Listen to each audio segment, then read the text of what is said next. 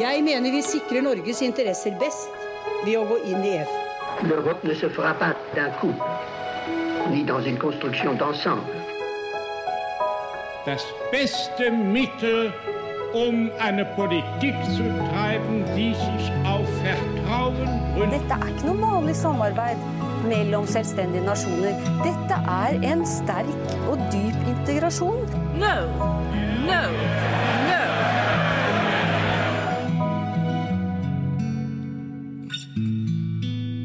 Velkommen til Det europeiske kvarter, en podkast om europeisk politikk og historie av Lise Rye og meg, Kristine Graneng, ved Europastudier på NTNU.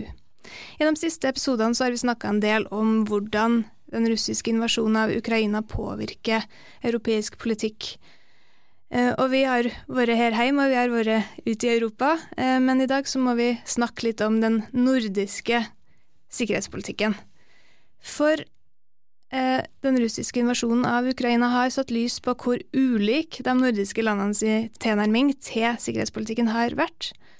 Men nå er det tilsynelatende i bevegelse. Finland og Sverige har til nå ikke vært medlemmer av Nato, men nå går de i retning medlemskap. Og Danmark har stått utafor EU sin forsvarspolitikk mer enn det Norge har gjort, men nå skal også den opp til debatt. Betyr det at vi kan få et Norden som er mer samstemt i sikkerhetspolitikken? Med oss for å snakke om det, så har vi fått eh, kollega Tobias Etzold, som er førstelektor her på Europastudiet og jobber mye med nordisk samarbeid og nordisk sikkerhetspolitikk. Velkommen, Tobias. Tusen takk. Vi tenkte vi kunne starte litt med å at vi kunne starte med eh, svensk og finsk Nato-medlemskap. Og for å forstå hvorfor de står utafor Nato, så må vi gå tilbake i tid, Lise. Ja, vi må alltid gå tilbake i tid, og denne gangen så må vi gå tilbake til 1949 og opprettelsen av Nato. Situasjonen den gang den hadde jo noen likhetstrekk med situasjonen i dag. Den gangen så var det kommunistene sitt kupp i Tsjekkoslovakia som rysta Vesten, og den rysta den norske Gerhardsen-regjeringa nok til at den gikk bort fra den brobyggingspolitikken som den hadde forsøkt å føre frem til da, og inn i Nato. Men det som Norge gjorde før vi gikk inn i Nato for å gjøre Nato-medlemskapet lettere å svelge for Sovjetunionen, var å vedta baseerklæringa, som sa at andre land ikke skulle ha baser på norsk territorium. Finland sto ikke fritt til å velge. Finland hadde derfor det vi kan kalle en påtvunget nøytralitet. For Finland fikk, omtrent samtidig med kuppet i Tsjekkoslovakia, et tilbud fra Sovjetunionen som ikke kunne avslås. Og det var et tilbud om en vennskaps-, samarbeids- og bistandspakt mellom de to landene, som ikke lot seg forene med Nato-medlemskap. I Sverige sitt tilfelle så var det selvvalgt. Sverige valgte sjøl å stå nøytral i denne perioden. Men Tobias, fordi selv om eh, Sverige og Finland har stått utafor Nato, så har de jo hatt et forhold til Nato. Og kanskje kan vi begynne å snakke litt om det? Kan du si litt om forholdet mellom Sverige og Finland og Nato før krigen i Ukraina? Ja, um, ja forholdet mellan Finland och Sverige på ena sidan och NATO på andra sidan har förändrats eh, faktiskt redan sedan början av 90-talet. Så med slutet av kalla kriget och framfor framförallt när Sverige och Finland tillträdde till Europeiska union. Det fanns faktiskt också möjlighet att, eh, att tillträda till NATO.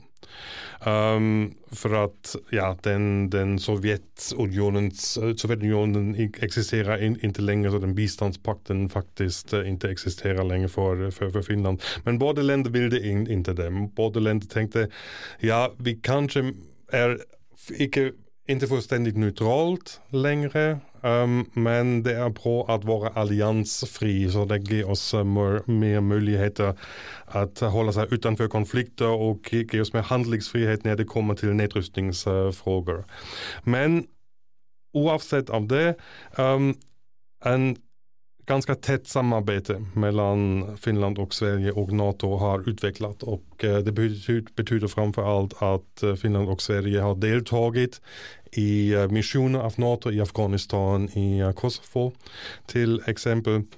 Og ja, den samarbeidet har, har, har stärkts også formelt, og framfor alt rundt 2013 og 2014. Og framfor alt etter Russlands invasjon av Krim, den samarbeidet ble forsterket. Så Finland og Sverige er til eksempel enhanced opportunities partners av Nato. Og det betyr en så tett som mulig forholdende og samarbeid man kan ha uten medlem, medlemskap. Så alle länder som deltar i Natos operasjoner, kan få en spesielt um, forholdene uh, spesielt um, dialog som, som, som, som, også møter hva de, de landene behøver. faktisk. Og det finnes også noen, noen ting som heter Host Nation Support Agreement.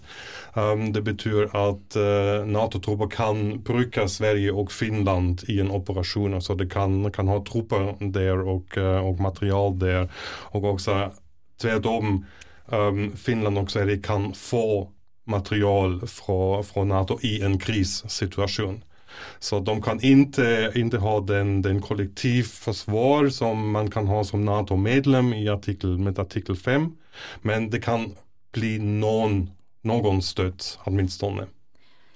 Og så har vi sett etter 24.2 at uh, utviklinga har tatt en ny omdreining. Vi må si litt om det òg. Uh, hva skjedde? Ja, man måste också veta kanske att det fanns äh, även efter 2014, det fanns lite debatt om NATO-medlemskap. Ja, no, någon partier, någon politiker, någon journalister och ämbetsmän de sa ja okay, nu är det kanske tid at åtminstone tenker om en Nato-medlemskap. For at den sikkerhetspolitiske situasjonen med Russland det har forandret seg radikalt redan i den, i den tid. Men en riktig stor debatt har faktisk ikke, ikke kommet um, i, den, i, den, tid. Men det har forandret seg faktisk uh, fra begynnelsen av året, fra begynnelsen av, uh, av 2022. Um, um, redan før Russlands krig i, i Ukraina. Og um, det var lite samtykke i Finlands og Sveriges um, befolkning for NATO-medlemskap, men det har forandret seg radikalt efter den, den 24 uh, februari. Så nå er det i Finland rundt 60 procent som, som er for NATO-medlemskap og i, i, Sverige rundt uh, 50 procent, så en, en, en liten majoritet. Så og nå finnes det virkelig en stor debatt og, og uh, konkrete forberedninger for en, for en uh, mulig Nato-ansøker. Og hva er det som egentlig må til for at Sverige og Finland kan bli medlemmer av Nato nå? Kan du si litt om den prosessen? Ja, um, det var så at, at, Finland er litt en, en, en Hva heter det? Um, Spesiell situasjon? Nei, en, en push, push uh, Eh, pådriver. Ja, pådriver. Ja, en pådriver, pådriver exakt, takk. Um, i, den, i, den, situasjonen. Så Sverige er litt bak, men, men, men, men Finland har allerede i, uh, i midt april um, levert en redegjørelse, og den finske regjeringen har levert en redegjørelse til den finske parlamentet, til Eduskunta, um, om den nye sikkerhetspolitiske situasjonen i Norden og i Østersjøområdet. Og de har tidlig sagt ja, det har forandret seg. Og uh, en finsk medlemskap skal øke stabiliteten i Østersjøområdet. Uh, og så uh, Parlamentet har diskutert om, om, det nå, og det forventer at, at ut utrikespolitiska utskottet eh, skal, skal komme med den... Med den Utenrikskomiteen. Ja, exakt, med den, med den till regering. Och på den basis um, skal den finske regeringen ta en beslut uh, om man skal ansøke eller, eller ikke. Men det er mye viktig for finske regeringen at en stor majoritet av parlamentet står bak den, den, den beslut. Och eh, sen ska man skicka en ansökan til, til, til, eh, till, till NATO og det kan være ganske, ganske snabbt. Det finnes noen kriterier som en ny medlem måste, måste, um, oppfylle. Måtte oppfylle takk. Um, men det er også litt sånn at man venter på Sverige? Ja, exakt. Och uh, i Sverige man vet inte riktigt vad, vad pågår. Det det är lite ja, det finns någon rykte också att, att de, de kan kanske samtidigt också um, ansöka. Men uh, man måste vänta lite. Uh, Socialdemokratiska partiet och socialdemokratiska regeringen har sagt att till den 13 maj de, de ska också komma med en redogörelse. Och den finska presidenten ska besöka um, Sverige 17-18 maj. Och många tänker att ja, det kan vara att båda länder tillsammans tar en beslut att, att skicka en ansökan till, till NATO. Och, men NATO har tydligt sagt ja, båda länder är välkommen och de fullfyller alla kriterier, demokrati, rättsstatlighet um, och så vidare.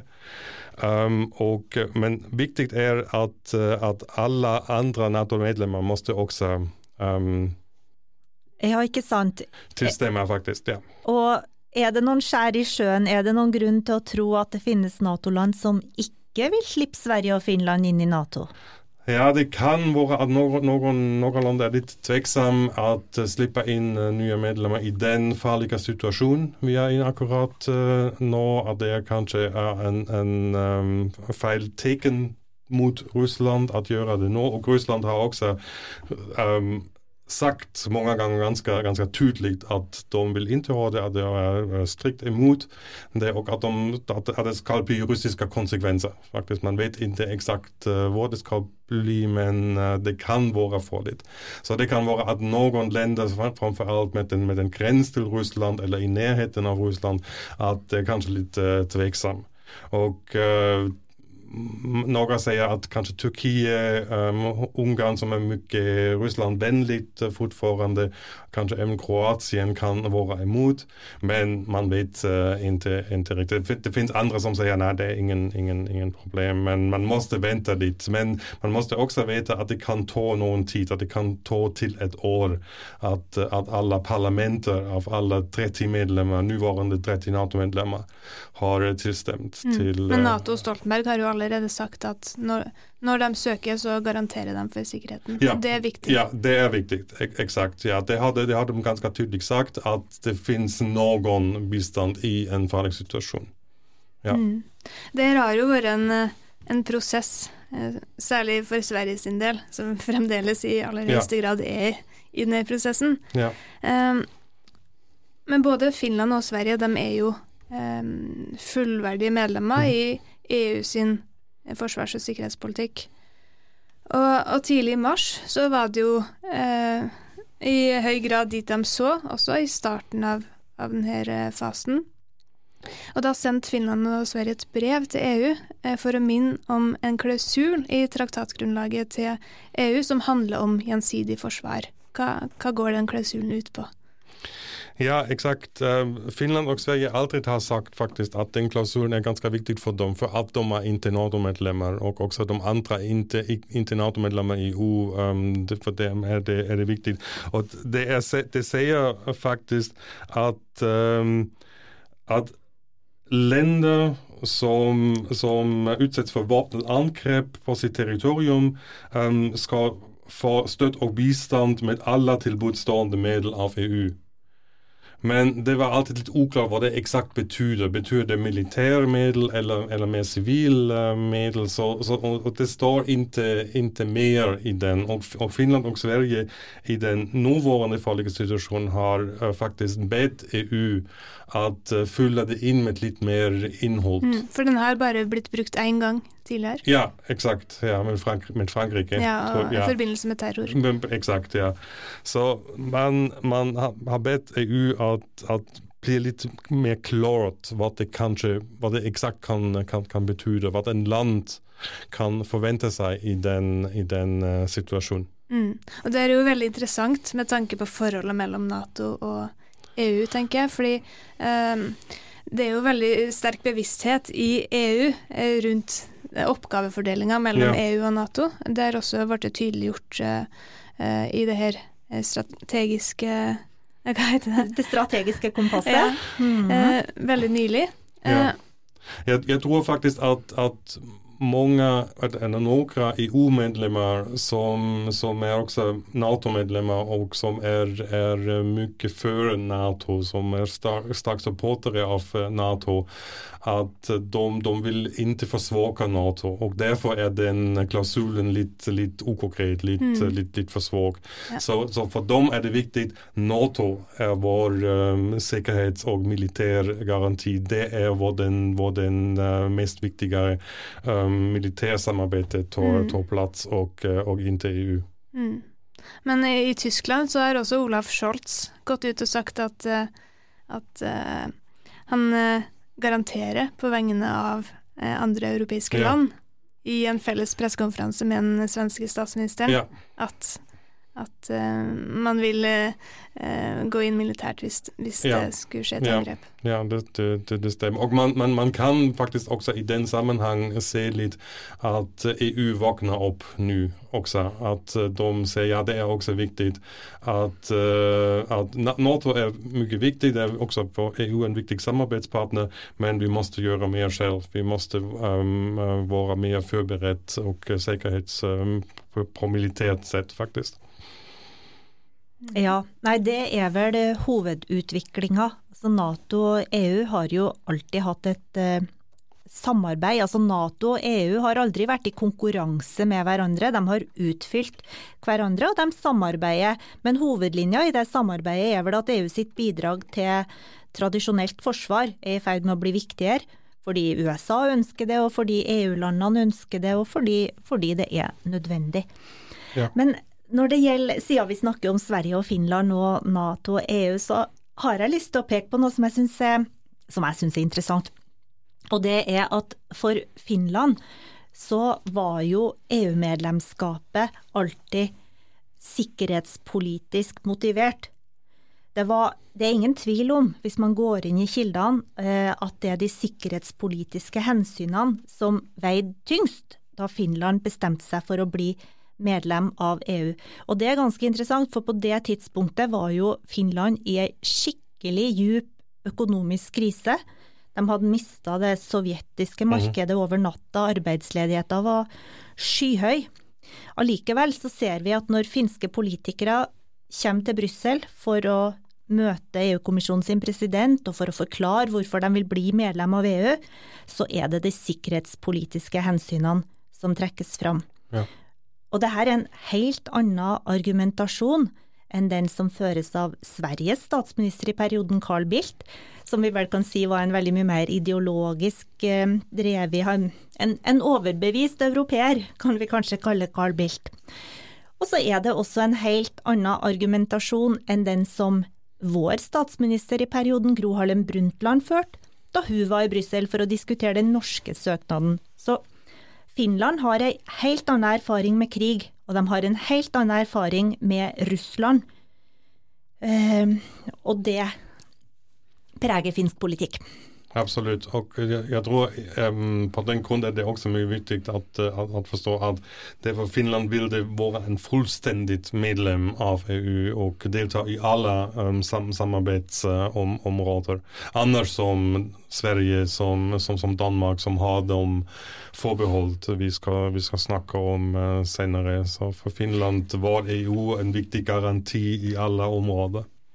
Du, det, var, det, var, en fin overgang, for vi må jo ikke glemme Danmark heller. Og Danmark har eh, ja, hatt et sånn spesielt forhold til EU på det forsvars- og sikkerhetspolitiske området. Og det der kan du mye om. Kristine, kan ikke du fortelle oss litt om det som kalles det danske forsvarsforbeholdet, og hva som skjer med det nå?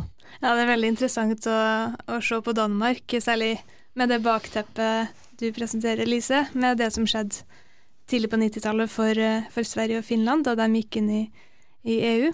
Eh, for da, da, EU ble EU gjennom eh, Maastricht-traktaten, så skulle den godkjennes i ei folkeavstemning i Danmark. Det endte med at danskene sa nei i første omgang.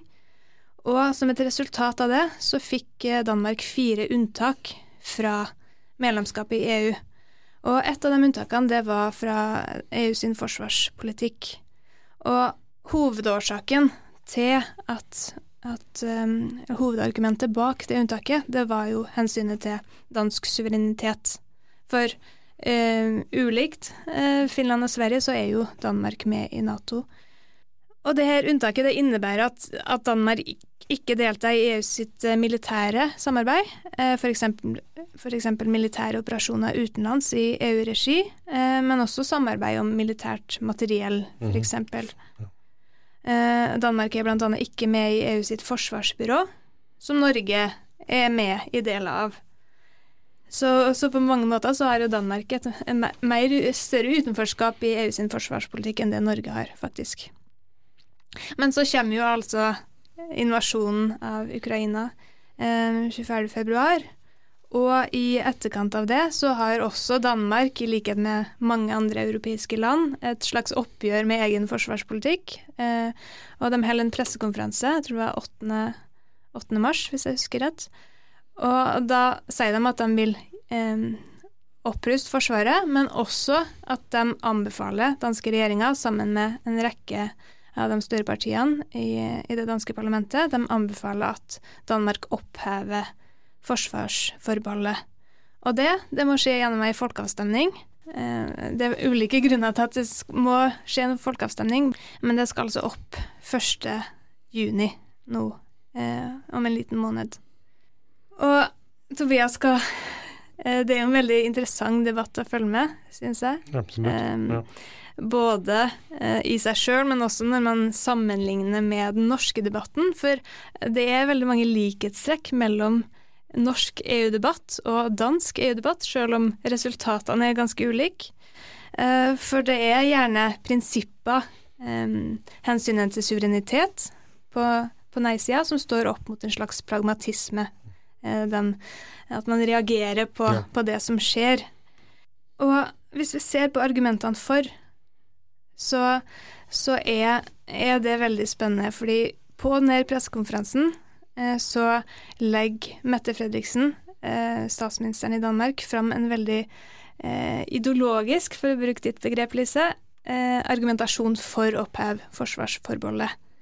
Hun sier annet at, at krisa har vist oss hvor sterke vi er når vi står sammen på vårt kontinent. Europa er en familie, og vi ønsker at Danmark eh, fulltona, eh, sier på dansk, skal kunne ta del i det, i det samarbeidet, i det ja. forsvarspolitiske samarbeidet.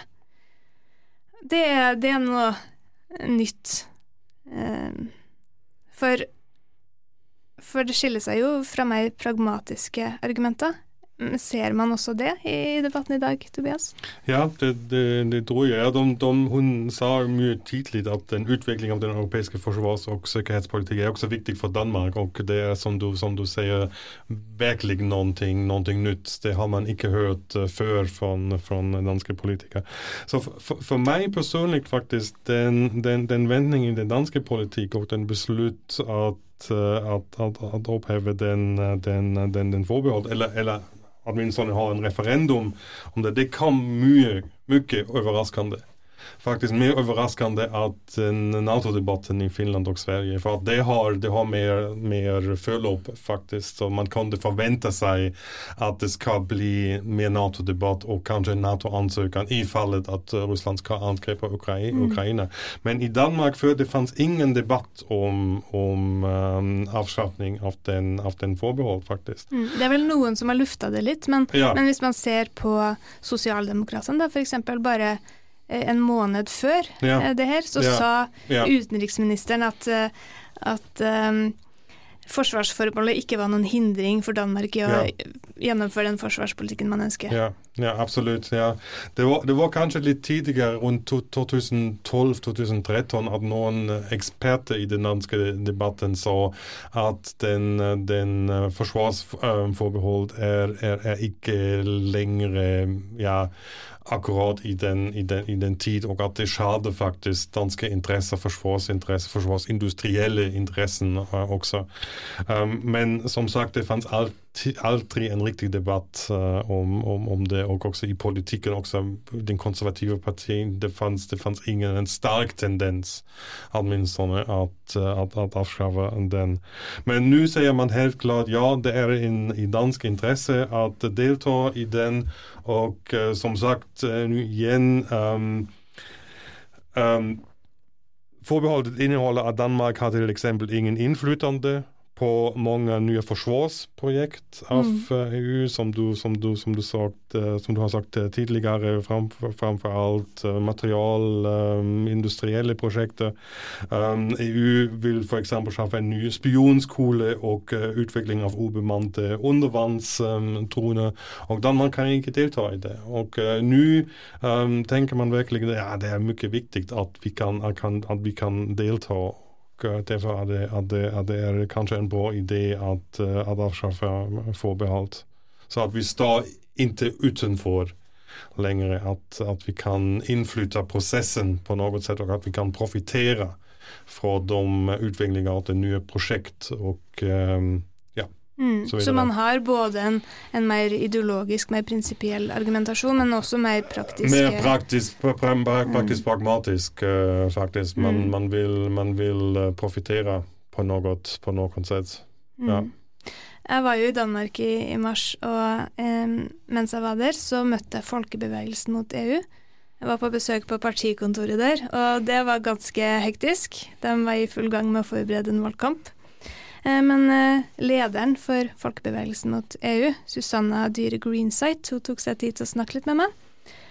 Eh, folkebevegelsen mot EU det er jo en organisasjon som på mange måter tilsvarer Nei til EU her i, i Norge, men de har jo et litt, et litt vanskeligere oppgave foran seg, for deres mål er jo også å ta Danmark ut av EU. Men i praksis så jobber de vel først og fremst med, med å stoppe videre integrasjon. Vi skal høre på på det intervjuet jeg gjorde med Susanna Dyre Greensight. Den danske regjeringa har fått med seg flere partier om et såkalt nasjonalt kompromiss eh, om forsvarspolitikken. Og Det innebærer bl.a. at det skal være en folkeavstemning om unntaket Danmark har fra, den, eh, fra forsvarspolitikken i EU, det såkalte forsvarsforbeholdet, i, i juni. Kan ikke du si litt om folkebevegelsen sitt syn på forsvarsforbeholdet? Ja, vi kæmper jo for at bevare forsvarsforbeholdet, fordi det er vores garanti for suverænitet på forsvarsområdet. Og fordi vi generelt set er imod den udvikling, der har været i EU på forsvarspolitikken. Øh, for eksempel her for nylig har EU jo udgivet en ny forsvarspolitisk strategi, som hedder det strategiske kompas. Og den indeholder jo både, at EU skal have en stående slags mini kampgruppe på 5.000 øh, soldater. Øh, den indebærer, at hvert land skal bruge markant mere på forsvar og bruge mere på forsvar i EU-regi, og at EU generelt skal blande sig i, hvor, hvor, mange, hvor mange penge hvert land bruger på forsvar. Den udvikling er vi kraftigt imod, og vi synes ikke, at Danmark skal være en del af den. Øh, vi oplever faktisk, at vi får medhold, også fra nogle sider, vi ikke plejer, fordi at vi er blevet provokeret, men mange danskere er blevet, provokeret af, så man har blandet øh, krigen i Ukraine ind i diskussionen om et forsvarsforbehold. Fordi faktum er, at forsvarsforbeholdet ikke stopper Danmark for at reagere på krisen i, krigen i Ukraine. Øhm, det har vi De to ting har meget, meget, meget lidt med hinanden at gøre. Men alligevel så bruger ja, partierne øh, krigen i Ukraine som øh, en anledning til at rejse den her debat, selvom de to ting egentlig ikke er forbundet.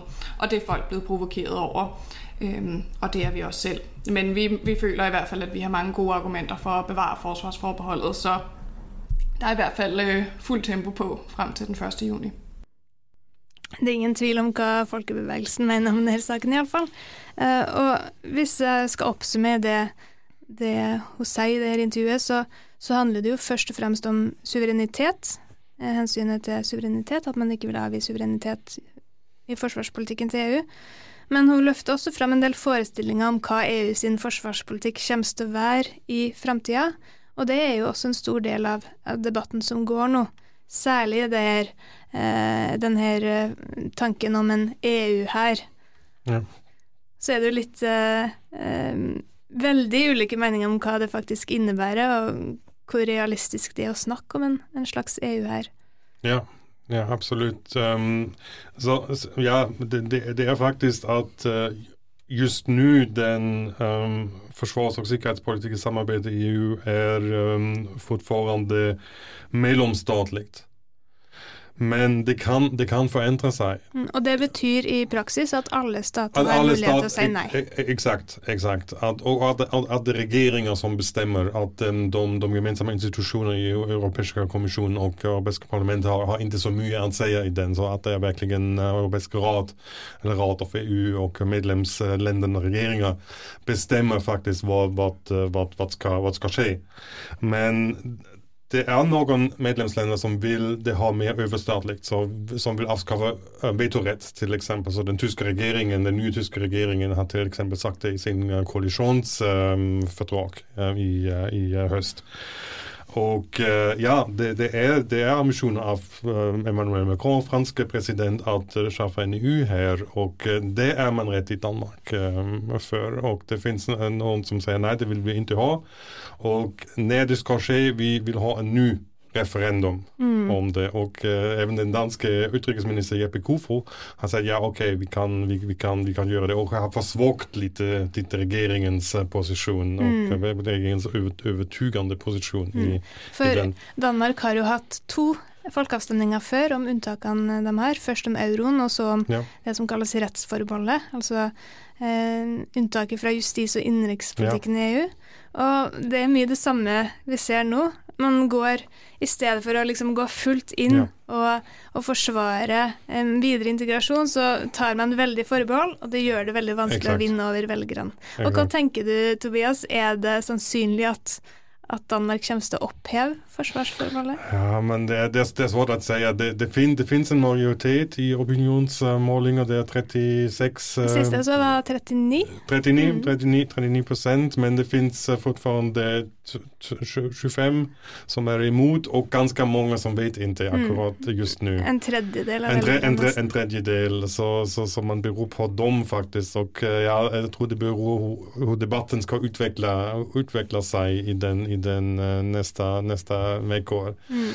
Så ja, det er svårt å, att, att si. Så jeg personlig tror kanskje en, en liten majoritet för eller en liten majoritet uh, imot. Men i Danmark man vet aldri, Nej. så det kan alltid skje både sider. Mm. Men hvis man sammenligner med det som har skjedd tidligere, så, så ser det ikke veldig lovende ut for, for dem som ønsker å oppheve forsvarsforbeholdet. Eh, tenker jeg da. Og jeg, jeg tror at det, at det, er virkelig viktig at, at regjeringen er helt overtyget og, og virkelig kjemper for det. Og det, det så ut i, i begynnelsen, og eh, at regjeringen også hadde støtte fra andre, andre partier, fra, fra både politiske spekter, både fra den uh, borgerlige, konservative spektrum, men også den, den, den sentrum-venstre-spektrum. Men nå har det forsvåket uh, igjen, så ja, det er helt uklart. Ja, eh, vi må snakke litt om Norge helt, eh, helt, til slutt. Eh, I Norge så ser vi vel ingen sånne dramatiske skifter som på lik dem vi ser i Danmark og Sverige og Finland. Skjønt jeg har sett at det er noen som stiller spørsmål ved basepolitikken og om baseerklæringa mm. rokkes ved. Vi snakka jo litt i forrige episode også om en eventuelt ny EU-debatt, og mm. noen av dem som har involvert seg i den debatten om debatten, er jo eh, forskere på, på forsvars- og sikkerhetsområdet? Absolutt. Flere eh, flinke folk på det området, bl.a. Pernille Riker på NUPI, var ut og argumenterte for at Norge må på en måte ta inn over seg hva som skjer i EU nå. Uh, nå har vi jo sett at EU nettopp har vedtatt det som kalles det strategiske kompasset, og som er, altså er en plan for hvordan EU skal styrke sin sikkerhets- og forsvarspolitikk frem mot 2030. Eh, men vi har jo òg sett en utvikling før det strategiske kompasset, hvor samarbeidet mellom EU og Nato har blitt mye tettere på mange områder. Forsvarsindustri, cybersecurity, tradisjonelt forsvar osv., øvelser. Og det her er jo et område hvor du sa Kristine, Norge har avtaler eh, med EU på forsvars- og sikkerhetspolitiske områder, men vi har ingen ramme omkring det samarbeidet på samme måte som vi har på det økonomiske området. Men det som er greia, og det som Pål Frisvold var inne på når han besøkte oss sist, er jo at alt veves tettere sammen i EU i dag. Det økonomiske og det sikkerhetspolitiske veves òg tettere sammen hvis du får et sånt forsvarsindustrielt samarbeid. Så det, det ser man også i Danmark, eh, og det ja. gjør jo også dere debatten om forsvarsforbeholdet ganske vanskelig. fordi selv om Danmark står utafor, så er man likevel eh, del av noen deler av det militære samarbeidet også, faktisk. Fordi det ikke blir definert inn der, men som eh, som del av EU-budsjettet f.eks. Kanskje opplever Danmark litt av det som vi har følt på kroppen i ganske mange år nå, at det er mye vanskeligere enn hva det var før å skille liksom rent mellom ulike deler av EU-samarbeidet. Alt veves tettere sammen, og det her påvirker også enten vi vil eller ikke. Mm. Nordisk samarbeid er jo eh, spesialfeltet ditt, eh, Tobias. Eh, hvordan vil det her påvirke det nordiske samarbeidet om sikkerhetspolitikken, tenker du? Ja, jeg, jeg, jeg tror det. Det, det, det finnes en nordisk forsvarssamarbeid. NORDEFCO heter det, Nordic Defence uh, Corporation. Uh, det finnes offisielt siden 2009 og har utviklet seg. Det er ingen, ingen militærallians, ingen, ingen sikkerhetsallians, men det er mer pragmatisk uh, samarbeid. Så det, det, handler seg om øvninger, om utbildning, om materiale osv. Og, og ja, naturligvis, det, det var kanskje alltid en problem att, att förstärka det samarbetet, att, att, att, att, att de länder har olika intressen när det, när det kommer till EU, i NATO eller, eller, eller, eller inte. Så det kan, underlätt, kan underlättas faktiskt den nordisk försvarssamarbete när, när alla nordiska länderna ska, ska vara i, eh, i NATO. Mm. Vi får se hva som skjer. Det blir, jeg bruker å si at det blir spennende å følge med på. Det blir det absolutt nå også. Det er mye Tusen, å følge med på for oss om dagen, er det. Tusen takk for praten, Tobias. Tusen takk, sjef.